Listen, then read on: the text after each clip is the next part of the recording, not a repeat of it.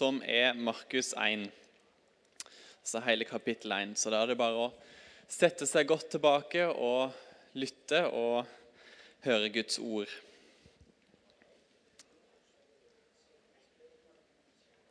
Ja, Jeg får en sånn melding inn på øret her om at eh, det kommer også tekst opp på skjermen her, så det er mulig å følge med òg der.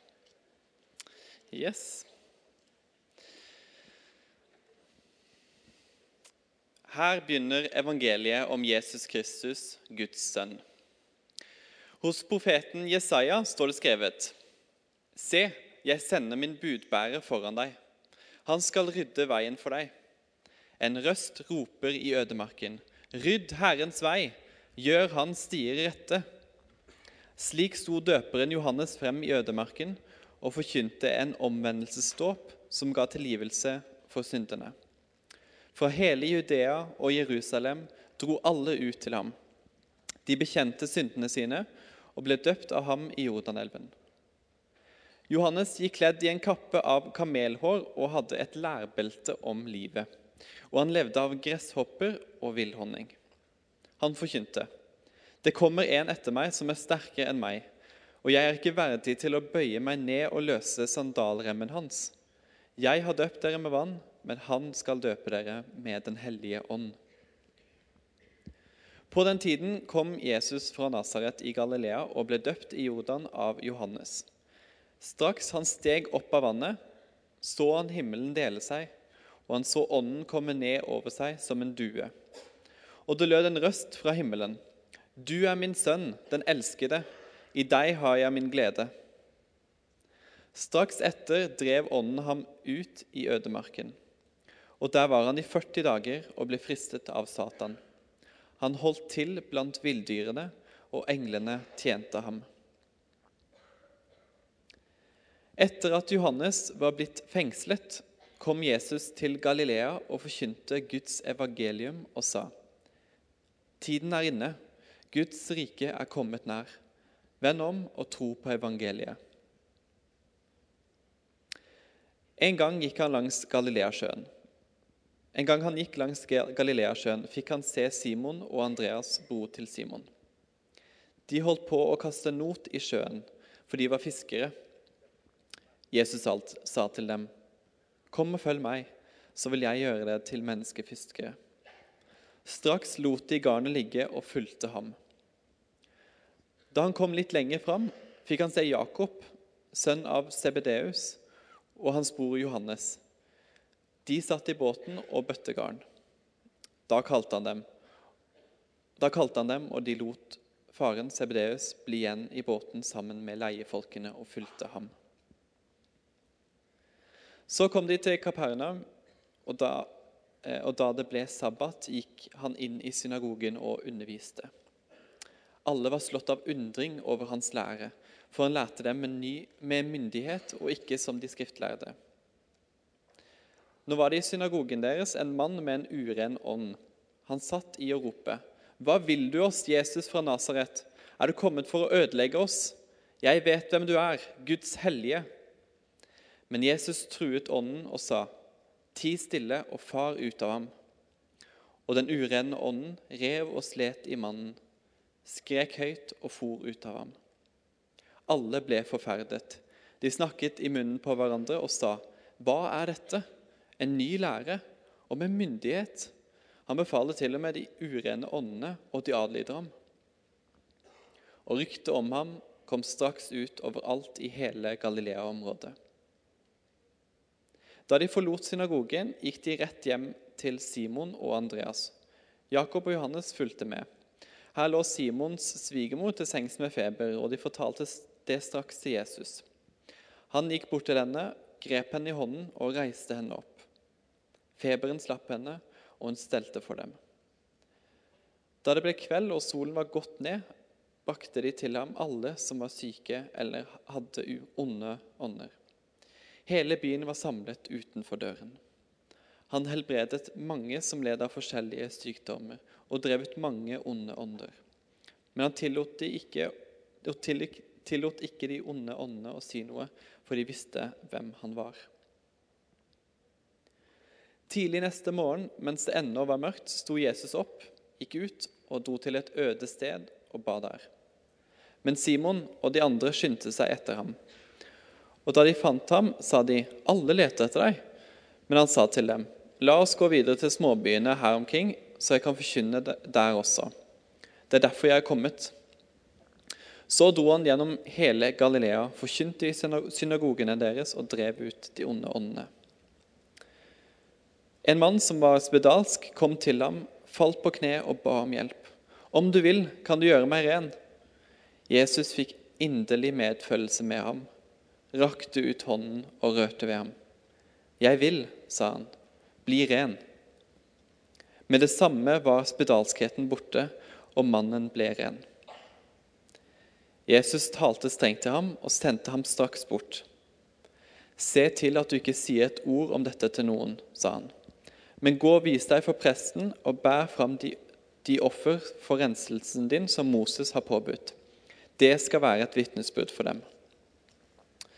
Men mannen gikk av sted og ga seg til å fortelle om det som hadde hendt, og gjøre nyheten kjent vidt og bredt. Derfor kunne ikke Jesus lenger vise seg i noen by. Han holdt til utenfor byene, på øde steder. Men folk kom til han fra alle kanter. Bra lest. Vi må nesten gjerne en klapp for å kunne holde tråden i dette her.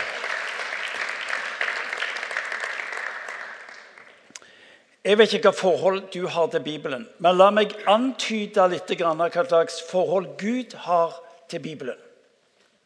For av og til er det til hjelp for oss når vi skjønner eh, betydningen av en konkret sak eller av eh, en konkret situasjon, hva det betyr for andre. Eh, når Gud den allmektige eh, skulle gi mennesket det mest verdifulle han kunne gi, så rekker han oss Bibelen. Det mest verdifulle som du og vi kan gi hverandre, det er det som står i denne boka. Fordi Det som nemlig er greia, det er at hvis du og meg våger å la det som står i denne boka, fylle sinnet vårt, prege livet vårt og la det få konsekvenser utad, så forvandler vi mennesker, og vi forvandler denne verden. Derfor vil du oppdage at når djevelen ønsker å ødelegge ditt liv, kirka, så vil den alltid stille spørsmål med det som står i denne boka. En har sagt det slik hvis djevelen kan få deg vekk fra Bibelen, så kan han få deg hvor som helst. Derfor er det avgjørende viktig at du og meg får tak i eh, betydningen av det som står her. Da jeg i min ungdom reiste i Øst-Europa, så det første eh, kommunismen gjorde, det var å konfiskere alt som hadde med bibler og kristen litteratur å gjøre. Og Dermed så ble det viktigste undergrunnskirka gjorde, det var å begynne å trykke opp bibler. Og Noe av det mest alvorlige og det mest kriminelle du kunne gjøre i Øst-Europa og i Kina når kommunismen rådde som sterkest, det var å trykke eh, bibler. Og Jeg husker ennå når jeg reiste i Øst-Europa, så husker jeg ennå når jeg møtte håndskrevne bibler. Fordi de visste at hvis de hadde ordet, så hadde de det de trengte for å møte eh, motstanden og forfølgelsen. Jeg møtte, jeg husker denne, jeg møtte en gang hvor de hadde tatt et Nytestamente og så hadde de delt det i ti deler. Brutt det opp og så delte de den, sendte de den til hverandre, slik at de kunne være flere som leste i Bibelen samtidig. Hør igjen. Hvis djevelen skal ta deg, så vil han rette ett fokus, og det er det som står i Bibelen. Hvis han kan flytte Bibelen vekk fra livet ditt, så vet han at han kan få det hvor som helst. Det er den ene sida av dette. her.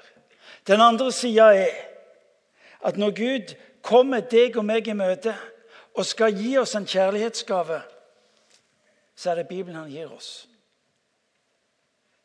Det mest verdifulle han gir oss, det er Bibelen. Og Det som for deg og meg godt mulig bare blir en sånn en samling av en hel masse ord som jeg ikke skjønner særlig mye av, så sier han vær nå litt stille. I Salme 1 så står det om at eh, å grunne på Hans ord dag og natt. For der hvor Guds ord får plass i livet ditt, Hør nå. Der hvor Guds ord får plass i livet ditt, der vil også det liv som er av Han, vokse fram. Derfor blir Bibelen så gysla viktig i ditt og mitt liv. Så vi ønsker her i huset å være en menighet som, som, våger å tro på det som står i Bibelen. Vi tror at Gud mente det han skrev, derfor skrev han det. Er dere med? Vi tror at Gud mente det han skrev, derfor skrev han det. Og Det betyr at vi forholder oss til det som står skrevet.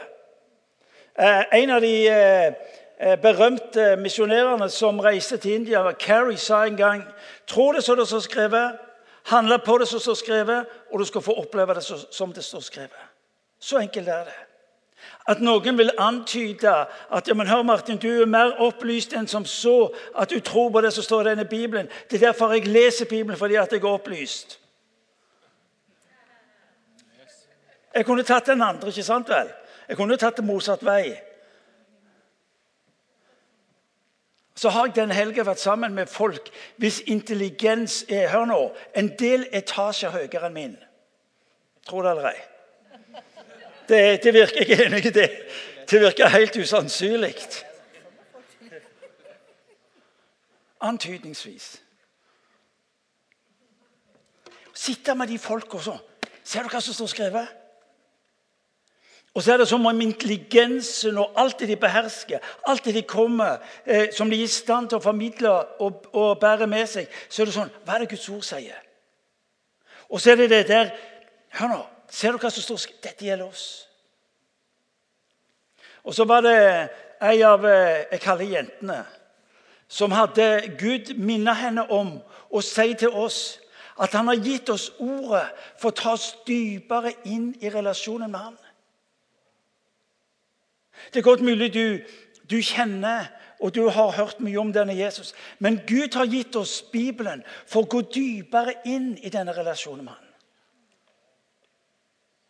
Og La meg si det sånn Det er dyp, det er dyp av den relasjonen som står og venter på deg og meg. Det er fenomenalt. Det er fantastisk, og det kalles for nåde. Igjen, når Gud løfter fram Bibelen for deg og meg, så er det ikke sånne religiøse pliktgreier. Jeg må lese noen kapitler. Nei. Men når han får ta deg inn i sitt ord, så får han ta deg inn i sitt hjerte. For at du skal få lov til å bli en del av det som han gjør inn i denne verden, ut mellom mennesker. Det er derfor vi opplever det er viktig for oss å la Bibelen få den sentrale plassen. Gud har gitt oss en kjærlighetsgave, og vi ønsker å ta den til oss fordi vi ser hva den betyr i mennesker sitt liv. Og så kan du gjerne spørre hvorfor i all verden begynner vi å lese kapittel etter kapittel i Bibelen. Jo, fordi det er så mange av oss som er uvant med å lese i Bibelen. Men nå skal vi gjennom disse ukene og månedene så skal vi eh, vandre gjennom Bibelen og se hva Jesus sier til oss, hvem han vil være i våre liv, og hva han sier på våre liv. Elling starta sist søndag og snakket om kapittel 1, vers 1, og snakket om de gode nyhetene. Glimrende tale. Hvis du ikke fikk den med deg, gå inn på podkasten, så laster du den ned. Og så hører du denne flotte undervisningen. Men når Bibelen skal summere om hva som er den virkelige nyheten, så er det som om Bibelen kobler dette og, og komprimerer det til én ting. De gode nyheter er Jesus Kristus. De gode nyheter inn i denne verden er Jesus Kristus.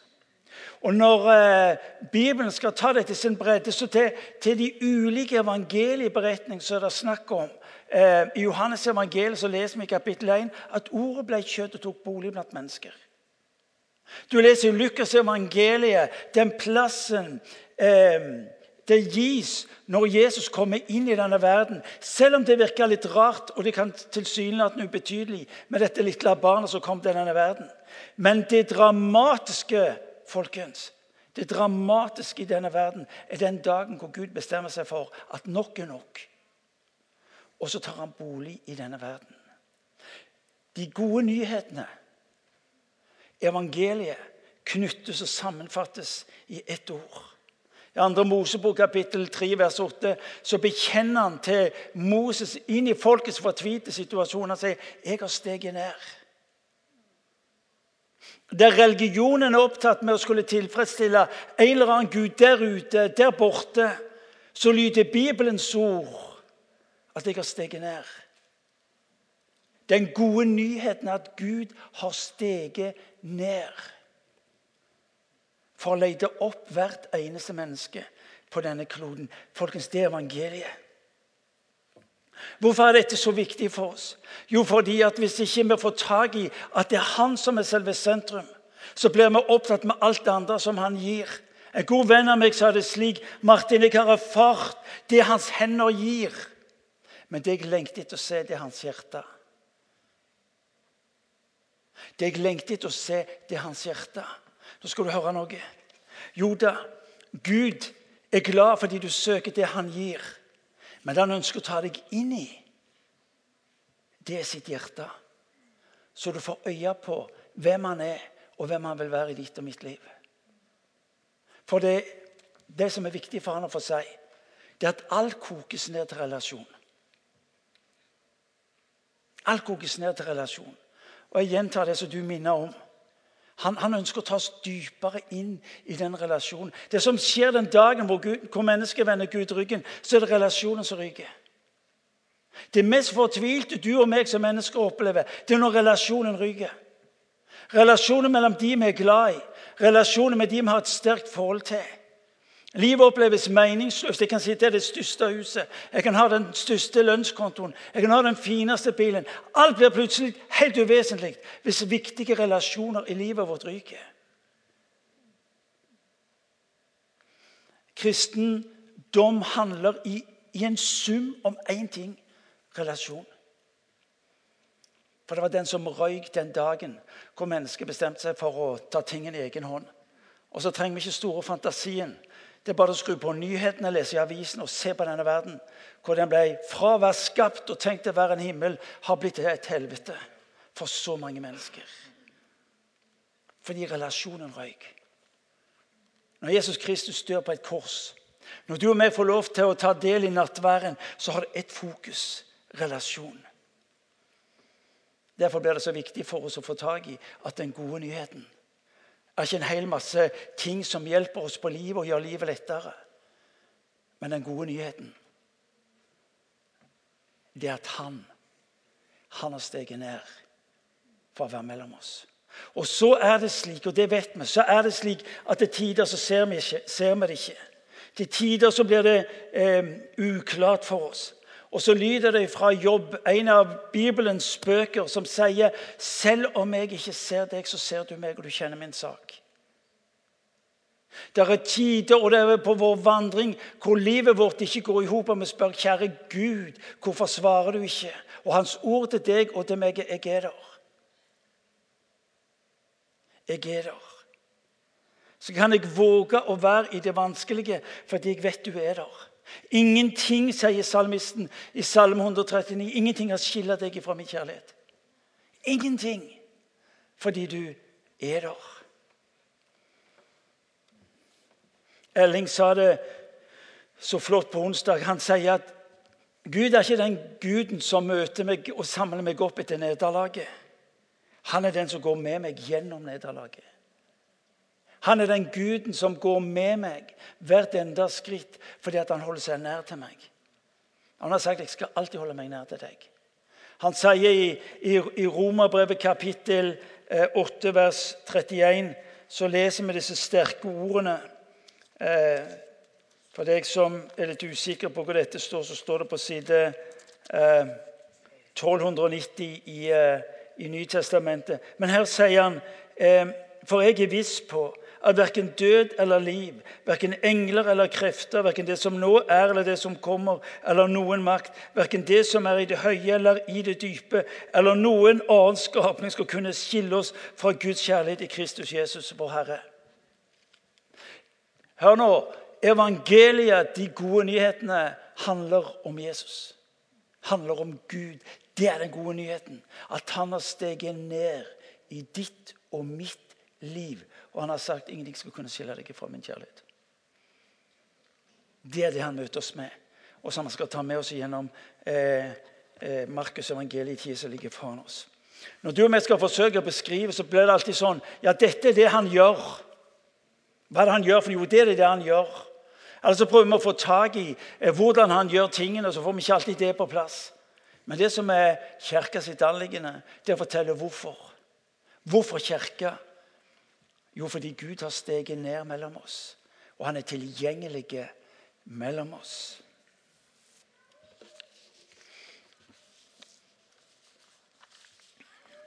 evangelium. Evangelium er ikke først og fremst teologi, men det er de gode nyhetene. Det grunnleggende gode i de gode nyhetene, hva er det? Hør igjen. Det er Gud sjøl.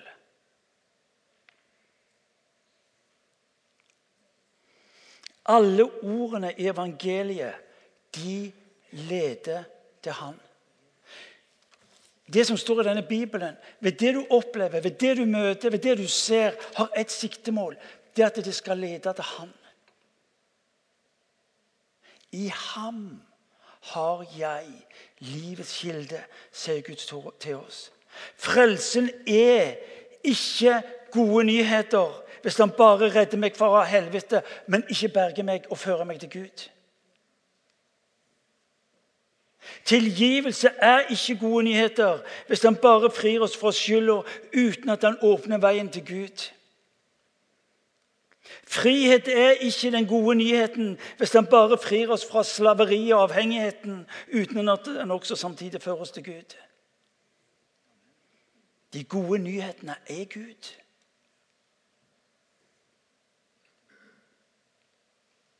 Det er faktisk mulig å ta imot og tro på evangeliet, de gode nyhetene, uten å omfavne Gud. Hvis du gir meg litt fred, hvis du gir meg litt trygghet hvis du gir meg, Og så blir Gud en sånn en automat som trykker på de rette knappene, og så får jeg det jeg trenger for livet mitt her og nå. Det er faktisk mulig å forholde seg til Gud som, som den som gir meg de tingene jeg trenger, istedenfor å få tak i at han har kommet sjøl for å være meg nær og være sammen med meg. Det står i 1. Peters brev Vi må få litt teologi inn i dette. her. Jeg frisker bare opp. Utfordrer hjernen. 1. Peters brev, kapittel 3, 18 står det noe uhyre sterkt. For Kristus selv led for synder en gang for alle. Når Kristus kom inn i denne verden, så dør han på et kors en gang for alle. Den rettferdige dør for den urettferdige. Du og meg hør nå, du og meg vet og anerkjenner når det edle skjer, når noen er villige til å ofre livet sitt for det som er dyrebart, for det som er verdifullt, for de som der er verdt å skulle dø for. Men når Kristus dør på korset, så dør han for de som ikke fortjener det. Han dør for synderne. Han dør for de urettferdige. Han dør for de som ikke fortjener. Han dør for de som egentlig fortjener å dø. Og Hør nå godt etter. Dette er det vanvittige evangeliet. Det at Når Kristus kommer, den, kommer inn i denne verden, så kommer han for å bli meg. For å dø i mitt sted. Det er det vanvittige. Og Du kan plukke ut hvilket som helst menneske på denne kloden, og han sier akkurat det samme. Når jeg kom inn i denne verden, så er det for å dø i ditt sted. Og ingen mennesker kan definere seg ut forbi den kjærligheten som han har.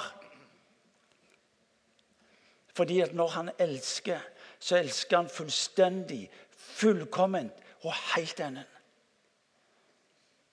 Og så leser vi videre at den rettferdige dør for den urettferdige for å føre dere fram til Gud.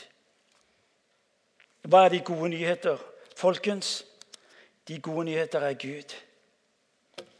Fordi vi ble skapt for å oppleve den fullkomne og varige gleden ved å se og ved å nyte Guds herlighet.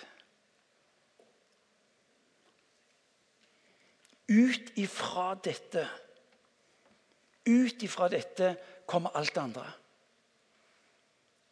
Kommer alt det andre. Han har kommet deg nær.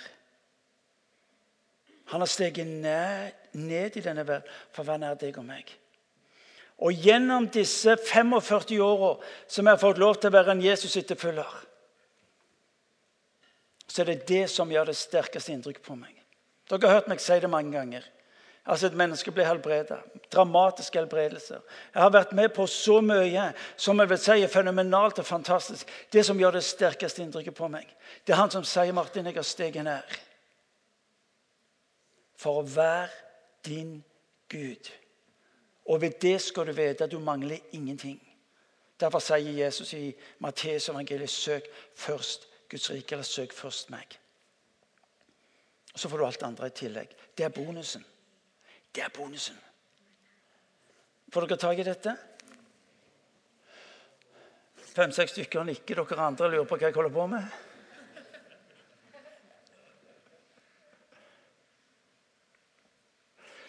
Dette er så viktig for oss å få tak i. Fordi at Når Gud ikke svarer på våre bønner, så sier han sånn Hvor du nå henne? Hva er du? Døv? Følger du ikke med? Har du sovna? Og så sier han, 'Jeg er der'. Det står en underlig setning i en av bøkene i Bibelen hvor det står han tier i sin kjærlighet.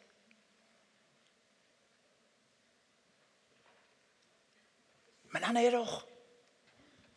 Uansett. Jeg har steget ned for å være der. Fordi at du er ført til meg. Jeg kommer aldri til å svikte deg. Ut ifra det springer alt det andre. Jeg skal begynne å slutte. Hva skjer så videre i kapittel 1, som vi lærer noe som er uhyre interessant, som dere leste på teksten? Det du ser av Jesu gjerning videre, det er for det første Og legg merke til at han omtales i kapittel 1, vers 1. Her begynner evangeliet om Jesus Kristus, Guds sønn. Altså, Utgangspunktet for det Jesus gjør inn i denne verden, er sønneposisjonen. Han kommer ikke inn i denne verden som allmaktens Gud. Han kommer inn i denne verden som sønn. Og han sier noe, og han stadfester at jeg er opptatt med å få familien på plass. Når Bibelen er opptatt med å beskrive menigheten, så bruker han begrepet familie. Og når Jesus gjennom sin vandring de første 30 årene anonymt Ingen vet hva som egentlig skjedde disse første 30 årene av Jesu liv. Men den dagen han trer fram på arenaen, så lyder igjen bekreftelse på hva han holder på med. Dette er min sønn. Dette er min sønn, den elskede, i hvem jeg har velbehag i. Altså, Kirka sin oppgave er ikke å sikre seg religiøse etterfølgere eller tilhengere. Men det å få tak i at relasjonen fra Guds side nå er på plass, slik at alle mennesker skal få lov til å se at når vi føres til Gud, føres vi også inn i hans familie. Dette er min sønn.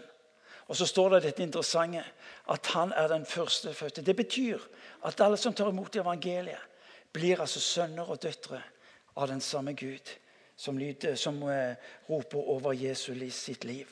Familien.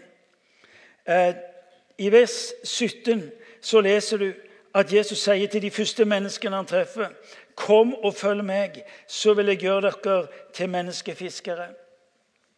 Det interessante er hvordan dette igjen understrekes. Jesus kunne sagt til dem, 'OK, nå stiller dere opp på linja. Dette er det vi skal gjøre. Har dere skjønt ordren? Ok, gå og gjør den. Men det han sier, kom og følg meg. Når Bibelen kommer deg og meg i møte med sitt innhold, så er den opptatt med én ting. Det er at du skal bli knytta til Jesus.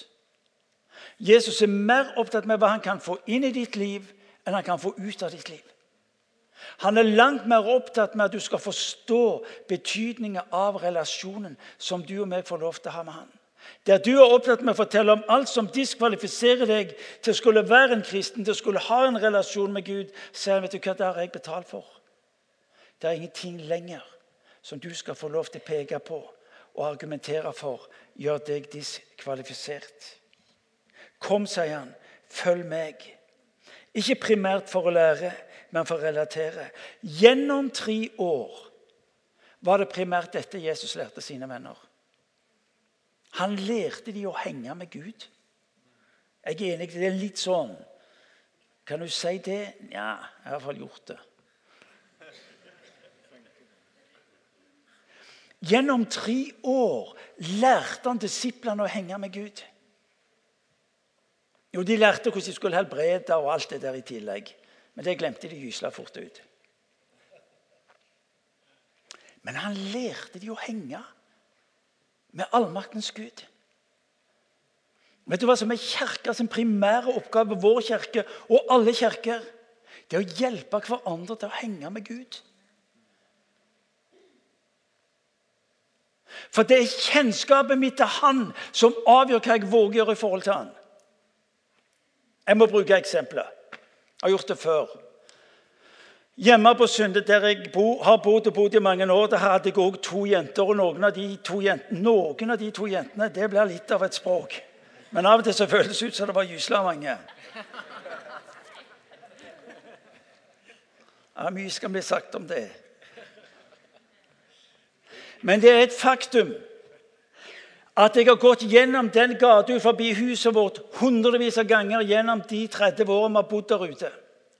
Til dags dato er det ingen av de ungene som bor i leilighetene langs den gata, som har spurt meg om de kan få penger av meg. Ingen av de. Ingen av de har spurt om jeg kan tenke meg å kjøre dem på trening, kjøre de på øvelse, Kjører de på kino, Kjører de til byen for de skal treffe en eller annen kamerat eller venninne på en kafé i Stavanger sentrum. Ingen av de har gjort det. Hvorfor? Fordi de kjenner meg ikke. De vet hvem jeg er, men de kjenner meg ikke. Men i det øyeblikket kommer inn døra i Åttavikhagen 20. Hvem står klar? Pappa? Pappa, jeg trenger litt penger. Du, hva da? For jeg skal på kafé. Kafé? Og så skal jeg betale for kaféoppholdet ditt? Ja. Du er jo pappaen min. Ikke vær kjipa. Hva i all verden som skiller den der jentungen og de andre jentungene i gata i Hottavikhagen? Hun kjenner meg. Og hun vet at jeg er verdens beste pappa.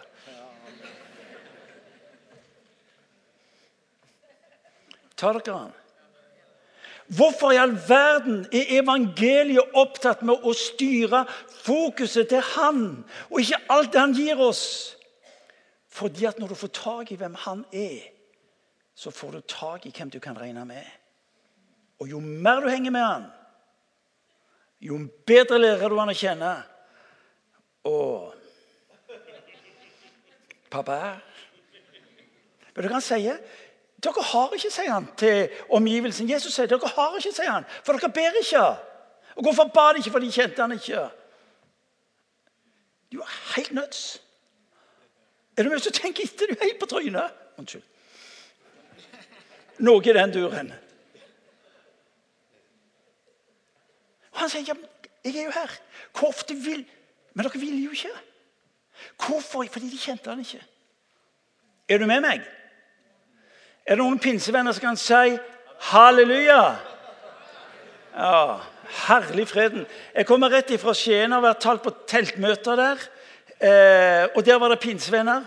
Vet du hva? De var, det var så taust at jeg skulle trodd at det var Jeg kan ikke si De så ut som de var døde hele båten. Det ble det å gå for langt.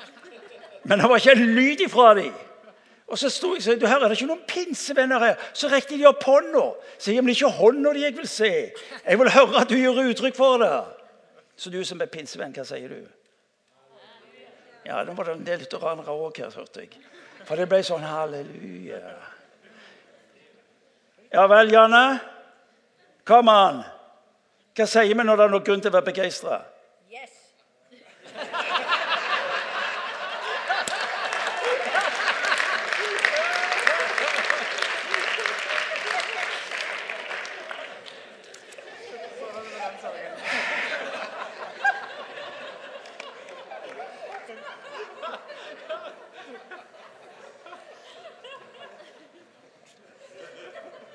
Er det du som heter Irene Cave?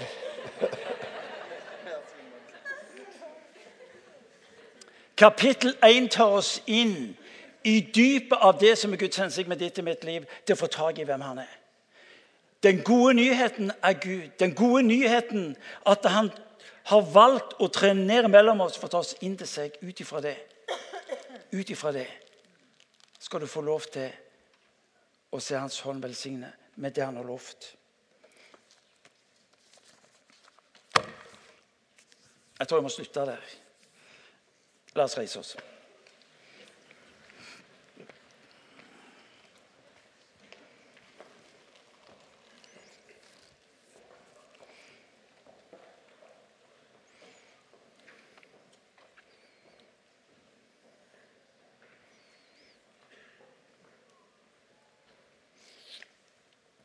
Hør noe jeg sier. Bibelen forteller oss at den rettferdige dør for den urettferdige. Bibelen forteller oss at den rettferdige dør for den som ikke er kvalifisert. Og I den grad du er kvalifisert for det som har med Gud å gjøre, så er det fordi du ikke er kvalifisert. For han kom for å dø for syndere. Og du kan si mm, Må du mase om Ja, jeg er nødt til å mase om det. For hvis du ikke har det i bånd, så skjønner du heller ikke hvor høyt han elsker deg. Det er derfor det er så viktig at du får tak i det. Kanskje opplever du der du står, at denne Kristus den, den opplever du ikke nær i ditt liv. Og det er godt mulig han sier, men hør nå. La meg få lov til å lese opp for deg og anvende på ditt liv det som står i boka. Kjærlighetsbrevet mitt inn i ditt liv. Og Derfor er det vi har bestemt oss for vi vil legge så stor vekt i tida som kommer, på at du skal få tak i. For når du går inn i Guds ord, så vil du oppdage at Guds ord er det som begynner på å nyskape i ditt liv. Fornye tankene dine. Gjør noe med hjertet ditt. Gir deg de bildene, gir deg det synet du trenger for å våge å bety en forskjell eh, for de menneskene som du er sammen med. Så la oss be sammen. La oss, la oss være innenfor Gud. Og så vil jeg at du konkret bare skal si Jesus, takk fordi du er. Takk for at du er den gode nyheten. Og så la oss be. Bare la oss være stille, og så ber vi. Herre, vi takker deg fordi du er mellom oss nå.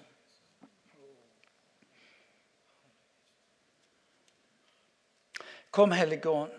Jeg ber om at du skal la den enkelte som i dette rommet, konkret erfare Konkret erfare at du er kommet nær. At du, den gode nyheten, du, Gud, har steget ned for å være hos den enkelte.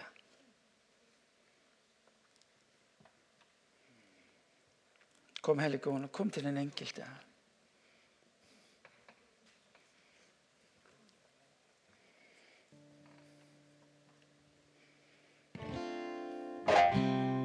Herre, vi takker deg. Vi takker deg, Herre. Og vi ber om at du skal berøre våre øyne så vi ser det vakre.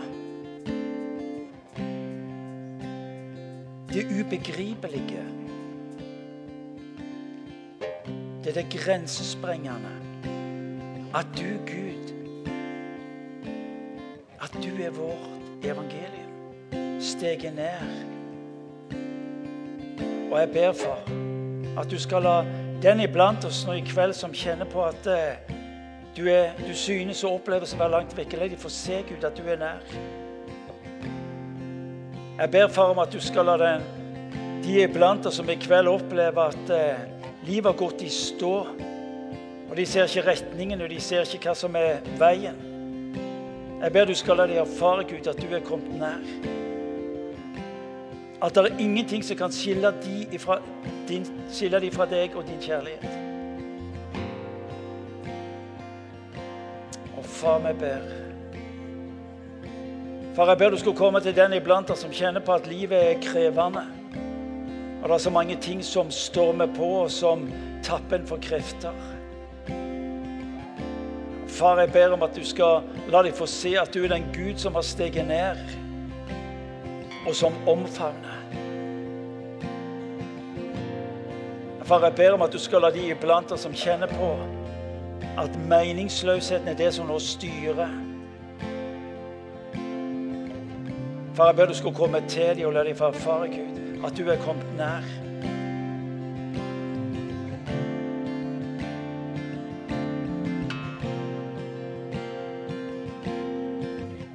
Far, vi, vi takker deg fordi vi får lov til å være her på dette stedet. I vissheten om at du, Gud, du er her fordi du elsker. Vi takker deg, far, fordi at den rettferdige død døde for den urettferdige. Vi takker deg, Herre, fordi du har sagt at det du har begynt, skal du fullføre. Far, vi tilber deg. Vi tilber deg. Herre, vi takker deg fordi at du, du har gjenoppretta det som ble ødelagt. Vi takker deg, far, fordi at du er den som vedkjenner oss å være far. Du vedkjenner deg å være far og kaller oss, kaller oss for dine sønner og døtre. Far, vi tilber deg, vi opphøyer ditt navn. Kjære Jesus.